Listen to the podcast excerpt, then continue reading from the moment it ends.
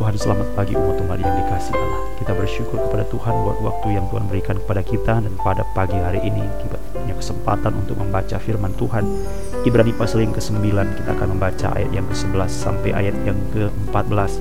Kita akan baca Ibrani pasal yang ke-9 ayat yang ke-11 sampai ayat yang ke-14. Demikianlah firman Allah. Tetapi Kristus telah datang sebagai imam besar untuk hal-hal yang baik yang akan datang dan yang ia telah melintasi kemah yang lebih besar dan yang lebih sempurna yang bukan dibuat oleh tangan manusia. Artinya yang tidak termasuk ciptaan ini. dan ia telah masuk satu kali untuk selama-lamanya ke dalam tempat yang kudus bukan dengan membawa darah domba jantan dan darah anak lembu tetapi dengan membawa darahnya sendiri. dan dengan itu ia telah mendapatkan, mendapatkan kelepasan yang kekal Sebab, Sebab jika darah domba jantan dan darah lembu jantan dan percikan abu lembu muda menguduskan mereka yang najis, sehingga mereka disucikan secara lahiriah.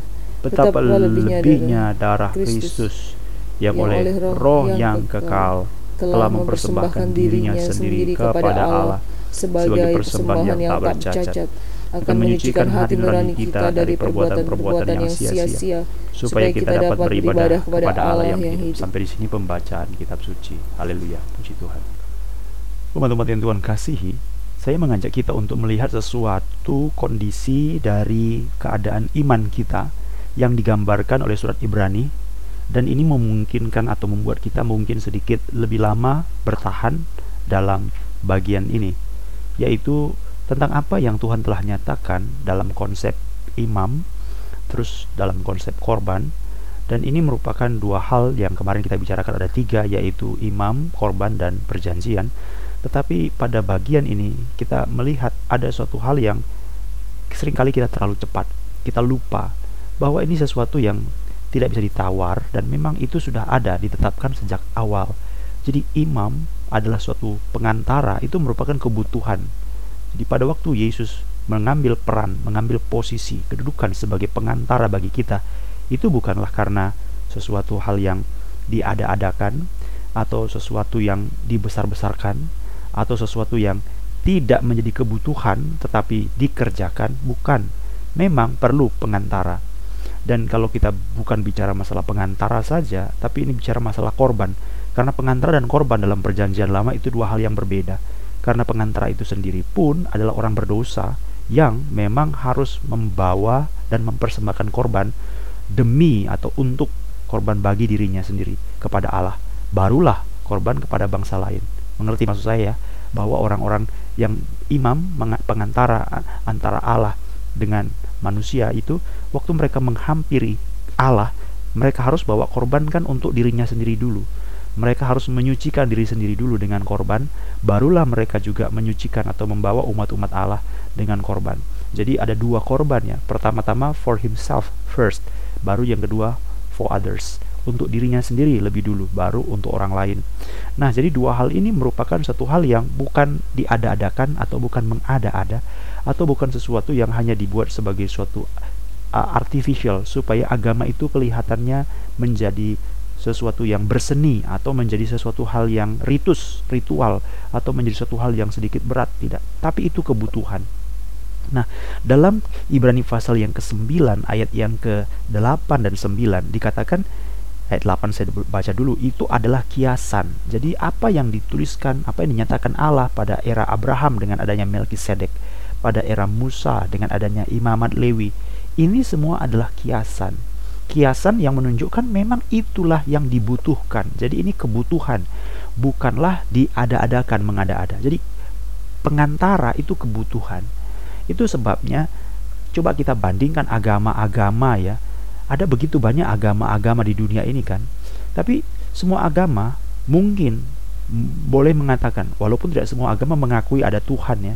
Ada agama yang tidak percaya Tuhan. Bagi dia tidak ada Allah. Allah itu adalah dirinya sendiri atau pada waktu seseorang mencapai sesuatu sifat puncak itu bisa disebut sebagai Allah. Jadi manusia itu bisa disebut sebagai Allah sendiri loh. Jika manusia itu mencapai sempurna dalam hal bajik, baik, suci dan segala sesuatu yang menurut konsep mereka. Jadi tidak semua agama percaya ada Allah, tapi mungkin mereka percaya ada sesuatu hal yang transenden di luar sana, ada sesuatu yang gaib barangkali atau apa pun namanya ya. Tapi maksud saya di sini adalah pada waktu kita memikirkan semua agama-agama yang kita lihat, maka kita tahu waktu mereka mengatakan kami percaya kepada yang kuasa, kami percaya kepada yang maha kuasa, bahwa manusia juga sudah berdosa atau jahat, ada sifat jahat dari manusia. Nah, sekarang pertanyaannya, bagaimana ini diselesaikan oleh agama? Bagaimana? Jadi ada yang mengatakan, oh dengan berbuat baik. Ada yang mengatakan, oh dengan sembahyang, dengan berdoa, minta ampun. Nah, oke okay, kita telusuri lagi, bagaimana minta ampunnya? Dan bagaimana pada waktu minta ampun itu boleh nggak? Jadi tidak ada agama yang tuntas, yang sempurna. Seperti dalam apa yang kita percaya, dituliskan dalam surat Ibrani, dalam iman kita kepada Yesus Kristus, yaitu bahwa perlu pengantara, perlu pengantara, dan pengantara itu perlu korban, perlu korban, karena tidak mungkin manusia itu sembahyang, aku minta ampun Tuhan, lalu nggak ada perlu apa-apa, karena setelah dia sembahyang, besok dia akan berdosa lagi, sembahyang lagi gitu. Besok dia berdosa lagi, sembahyang lagi. Besok dia berdo berdosa lagi, sembahyang lagi. Sampai kapan sembahyang berdosa, sembahyang berdosa? Sama seperti korban binatang dalam Alkitab. Orang bawa korban domba berdosa lagi. Orang bawa korban domba berdosa lagi. Orang bawa korban domba berdosa lagi. Ya kan? Coba kita baca pasal yang ke-10. Pasal ke-10. Dalam hukum Taurat hanya terdapat bayangan saja dari keselamatan, bukan hakikat. Karena dengan korban yang sama setiap tahun terus-menerus terus-menerus dipersembahkan. Hukum Taurat tidak mungkin menyempurnakan mereka yang datang mengambil bagian dalamnya. Jadi ini kan sama dengan apa yang saya sebut tadi bahwa banyak sekali orang berpikir bahwa kalau saya berdoa Tuhan minta ampun, berdoa Tuhan minta ampun, lalu mau sampai kapan berdoa minta ampun, berdoa minta ampun, berdoa minta ampun tanpa pengantara, tanpa korban. Ya kan, korban yang sempurna. Karena kalau kita sebut doa itu adalah korban, tetapi korbannya tidak sempurna, hanya itu sama seperti orang yang tiap tahun atau tiap waktu datang berdosa, bawa korban, datang berdosa lagi, bawa korban lagi, begitu terus, tidak pernah selesai. Maka butuh pengantara. Nah, berikutnya lagi, siapa pengantara? Karena pengantara itu sendiri juga orang berdosa. Makanya tidak ada agama yang paling tuntas membicarakan siapa pengantara dan siapa korban kecuali dalam iman Kristen, yaitu dalam satu pribadi yang namanya Yesus Kristus. Kenapa korban? Karena dia adalah korban yang sempurna. Kenapa pengantara? Karena dia pengantara yang berbeda dengan imam-imam, karena dia adalah pengantara yang sempurna. Jadi perlu pengantara. Ini kebutuhan, saudara. Jadi bukan diada-adakan, kebutuhan. Dari mana kita bisa tahu ini kebutuhan? Ini keharusan. It a must. Ini harus. Jadi pengantara itu harus karena Alkitab mengatakan dalam Ibrani pasal yang ke-9 ayat yang ke-8 Roh Kudus menyatakan bahwa jalan ke tempat kudus itu belum terbuka selama kemah pertama masih ada. Nah, jadi kita bicarakan dulu ya. Pasal 9 ayat 1, 2, 3, 4. Di situ kita kasih tahu dikasih tahu bahwa pada waktu umat Israel dalam perjanjian lama mereka dikasih tahu Tuhan untuk bangun kemah suci. Saya harap saudara masih ingat ini ya. Lalu di situ itu zaman Musa kan. Di situ ada tempat yang disebut dengan halaman atau pelataran. Lalu di situ ada satu chamber, satu ruang yang disebut dengan tempat kudus dan maha kudus tempat kudus dan maha kudus itu dua per tiga. Tempat maha kudus itu hanya sepertiga dari bangunan itu. Tetapi dari sini kita bisa lihat di halaman itu orang boleh bawa korban. Tetapi sekali lagi tidak ada seorang pun yang boleh masuk ke ruang kudus dan maha kudus. Tidak boleh ada seorang pun yang boleh masuk ke ruang kudus dan maha kudus. Jadi semua manusia orang Israel hanya ada boleh sampai di pelataran jadi siapa yang boleh masuk ke ruang kudus? Hanya imam-imam. Dan yang masuk ke ruang maha kudus hanya satu orang, namanya imam besar. Imam tidak boleh masuk, hanya imam besar. Itu pun satu kali satu tahun. Nah, saya ulangi sekali lagi ya. Dalam kemah suci ada halaman pelataran, ada namanya ruang yang disebut dengan ruang maha kudus dan ruang kudus. Di ruang kudus dan maha kudus tidak boleh seorang pun masuk semua masyarakat umum orang Israel hanya boleh sampai pelataran. Tidak boleh masuk ke ruang kudus dan maha kudus. Yang boleh masuk ke ruangan itu hanya imam. Imam yang ditentukan. Imam hanya boleh di ruang maha kudus. Imam. Tetap saya salah ya, bukan ruang maha kudus. Ruang kudus hanya imam. Sedangkan hanya, ruang yang maha kudus itu hanya imam besar. Itu pun satu kali satu tahun. Nah, jadi dengan kondisi seperti ini, saudara bisa bayangkan Kalau kita sebut bahwa di ruang Maha Kudus itulah di sana representasi, karena Alkitab berkata, "Di sanalah aku hadir untuk bertemu dengan umat-umatku." Itu kata firman Tuhan. Jadi di sanalah dia akan bertemu dengan orang-orang percaya. Di sanalah dia akan bertemu dengan orang-orang yang menyatakan diri percaya kepada Tuhan. Di sanalah. Jadi pertanyaannya, jika di sana tempat di mana Tuhan ada, maka itu kalau kita baca bilangan pasal 17 bilangan pasal 17 ayat 4 haruslah kalau letakkan sebuah dalam kemah pertemuan di hadapan tabut hukum tabut perjanjian Roma. Tempat aku biasa bertemu dengan kamu. Bilangan 17 ayat 4 jadi itu adalah tempat orang bertemu. Keluaran pasal 29 keluaran pasal 29 ayat yang 43 keluaran 29 ayat yang ke-43 di sanalah aku akan bertemu dengan orang Israel dan tempat itu akan dikuduskan oleh kemuliaanku.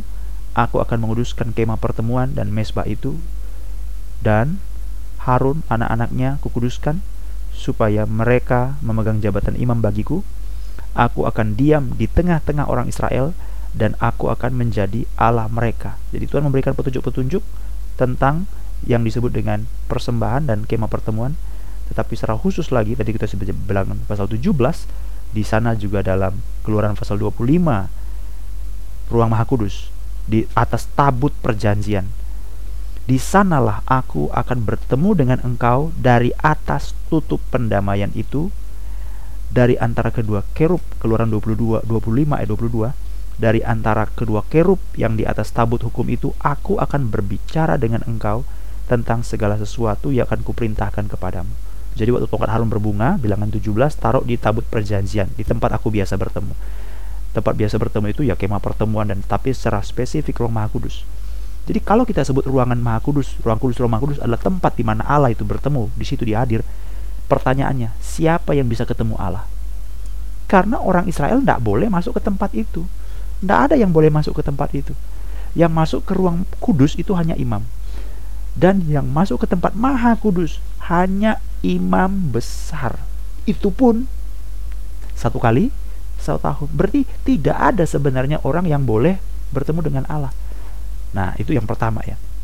Jadi yang pertama, tidak ada orang bertemu dengan Allah dari sudut apa? Dari sudut peraturan kondisi. Yang kedua, kalaupun imam besar pergi masuk ke dalam ruang Maha Kudus atau imam-imam ke ruang kudus. Ini menggambarkan satu gambaran di mana mereka bisa masuk tapi mereka tidak bisa membawa orang Israel masuk. Mengerti maksud saya? Mereka bisa membawa diri mereka masuk, just themselves, cuma diri mereka. Tapi apa cuma mereka yang boleh masuk? Yang yang yang yang berdosa? Apa mereka juga ada di situ hanya untuk diri mereka sendiri? Tidak kan? Mereka kan harus membawa orang lain. Karena ini bicara masalah bangsa Israel loh, umat Tuhan. Jadi umat Tuhan pengen, aku pengen masuk, tidak bisa. Loh kenapa? Ya memang ketentuannya begitu, tidak bisa kita ketemu Allah. Jadi pada waktu imam-imam boleh masuk, mereka masuk diri mereka sendiri mereka masuk tapi mereka tidak bisa membawa orang Israel masuk jadi dua hal inilah saudara-saudara yang ingin saya ajak kita renungkan betapa agungnya Tuhan kita Yesus Kristus karena Yesus Kristus bukan saja dia boleh masuk ke tempat yang maha kudus dia sampai di tempat yang paling agung paling mulia Alkitab mengatakan dalam Ibrani pasal yang ke-9 ayat yang ke-11, Kristus datang sebagai imam besar, ia telah melintasi kemah yang lebih besar dan yang lebih sempurna. Jadi dia telah masuk melintasi, haleluya, puji Tuhan. Ayat 12, ia telah masuk satu kali untuk selama-lamanya. Jadi bukan satu kali satu tahun, tapi satu kali untuk selama-lamanya. Yang kedua, jadi kalau itu tidak ada, sekarang Yesus bisa. Yang kedua, kalau yang kedua adalah tidak bisa membawa semua umat masuk ke dalam, tapi pertanyaannya, bagaimana dengan Yesus? Alkitab mengatakan Yesus mampu membawa kita masuk ke tempat kudus itu. Alkitab mengatakan dengan jelas. Alkitab mengatakan dengan jelas, Dia mampu membawa kita ke tempat yang kudus itu. Ayat yang ke-14. darah Kristus oleh darah yang kekal, mempersembahkan diri kepada Allah, menyucikan hati nurani kita dari perbuatan yang sia-sia, supaya kita dapat beribadah. Jadi kalau imam dia bisa masuk, tapi dia tidak bisa bawa orang masuk. Tapi Yesus dia melintasi masuk dan dia bawa kita masuk supaya kita dapat beribadah kepada Allah yang hidup. Ibrani 9 ayat 14. Jadi saudara lihat perbedaannya kan? Perbedaannya itu adalah dia membawa kita masuk. Itu sebabnya Tuhan berkata, marilah surat Ibrani mengatakan, marilah kita datang menghampiri tahta kasih karunia. Ibrani 4:16 karena imam-imam hanya membawa diri mereka masuk tapi nggak bisa bawa orang Israel masuk.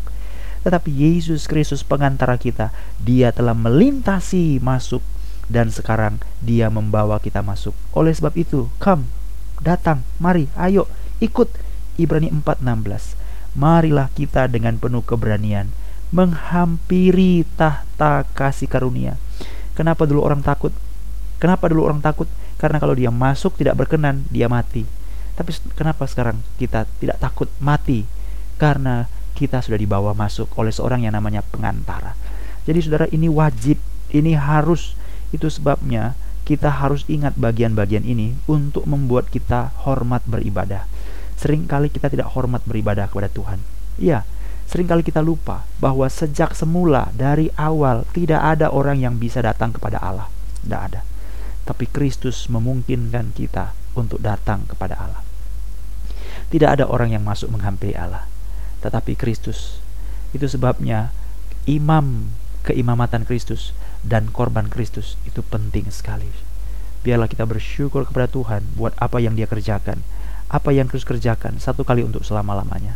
Apa yang Kristus kerjakan adalah sesuatu yang sangat indah karena Alkitab mengatakan itu sifatnya adalah kekal. Sifatnya adalah kekal dalam ayat 12. Dia katakan begini, ia telah masuk satu kali untuk selama-lamanya ke dalam tempat yang kudus, bukan satu kali untuk satu tahun, tapi satu kali selama-lamanya. Yang kedua, dia membawa darah domba jantan, bukan darah anak lembu, bukan, tapi dia membawa darahnya sendiri, korban yang sempurna. Dan yang ketiga, dan dengan itu ia telah mendapat kelepasan yang kekal. Puji Tuhan. Marilah kita berdoa. Kami mengucap syukur untuk apa yang Tuhan kerjakan